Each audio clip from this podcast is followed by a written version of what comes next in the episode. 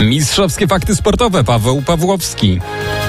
Piąte miejsce Oskara Kwiatkowskiego i szósta pozycja Aleksandry Król w Salomie gigancie równoległym snowboardowego Pucharu Świata. Zawody odbywały się we włoskiej Cortinie d'Ampezzo. Zwyciężyli Słowenka Gloria Kotnik oraz zawodnik gospodarzy Roland Fischnaller.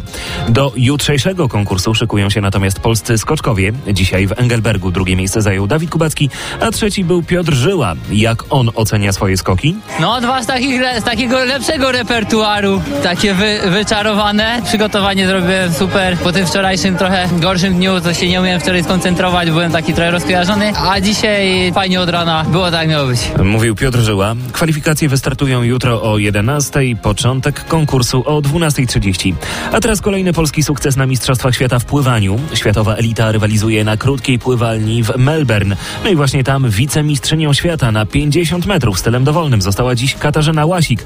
Polka powtórzyła swój wynik sprzed roku. Srebrny rok. Naprawdę z e, każdych zawodów e, wracam z medalem srebrnym, dlatego cieszę się. Zakończyłam ten rok naprawdę fajnie. Mam powody do, do radości. Mówiła nasza pływaczka. Na dzień przed końcem mistrzostw na krótkiej pływalni Polacy mają dwa medale. Srebrny medal Łasik oraz brązowy krążek Kacpra Stokowskiego. Na koniec jeszcze siatkówka i trwające derby Śląska. GKS Katowice podejmuje dzisiaj Jastrzębski Węgiel. To spotkanie rozpoczęło się nieco ponad pół godziny temu. No już za nami pierwszy set.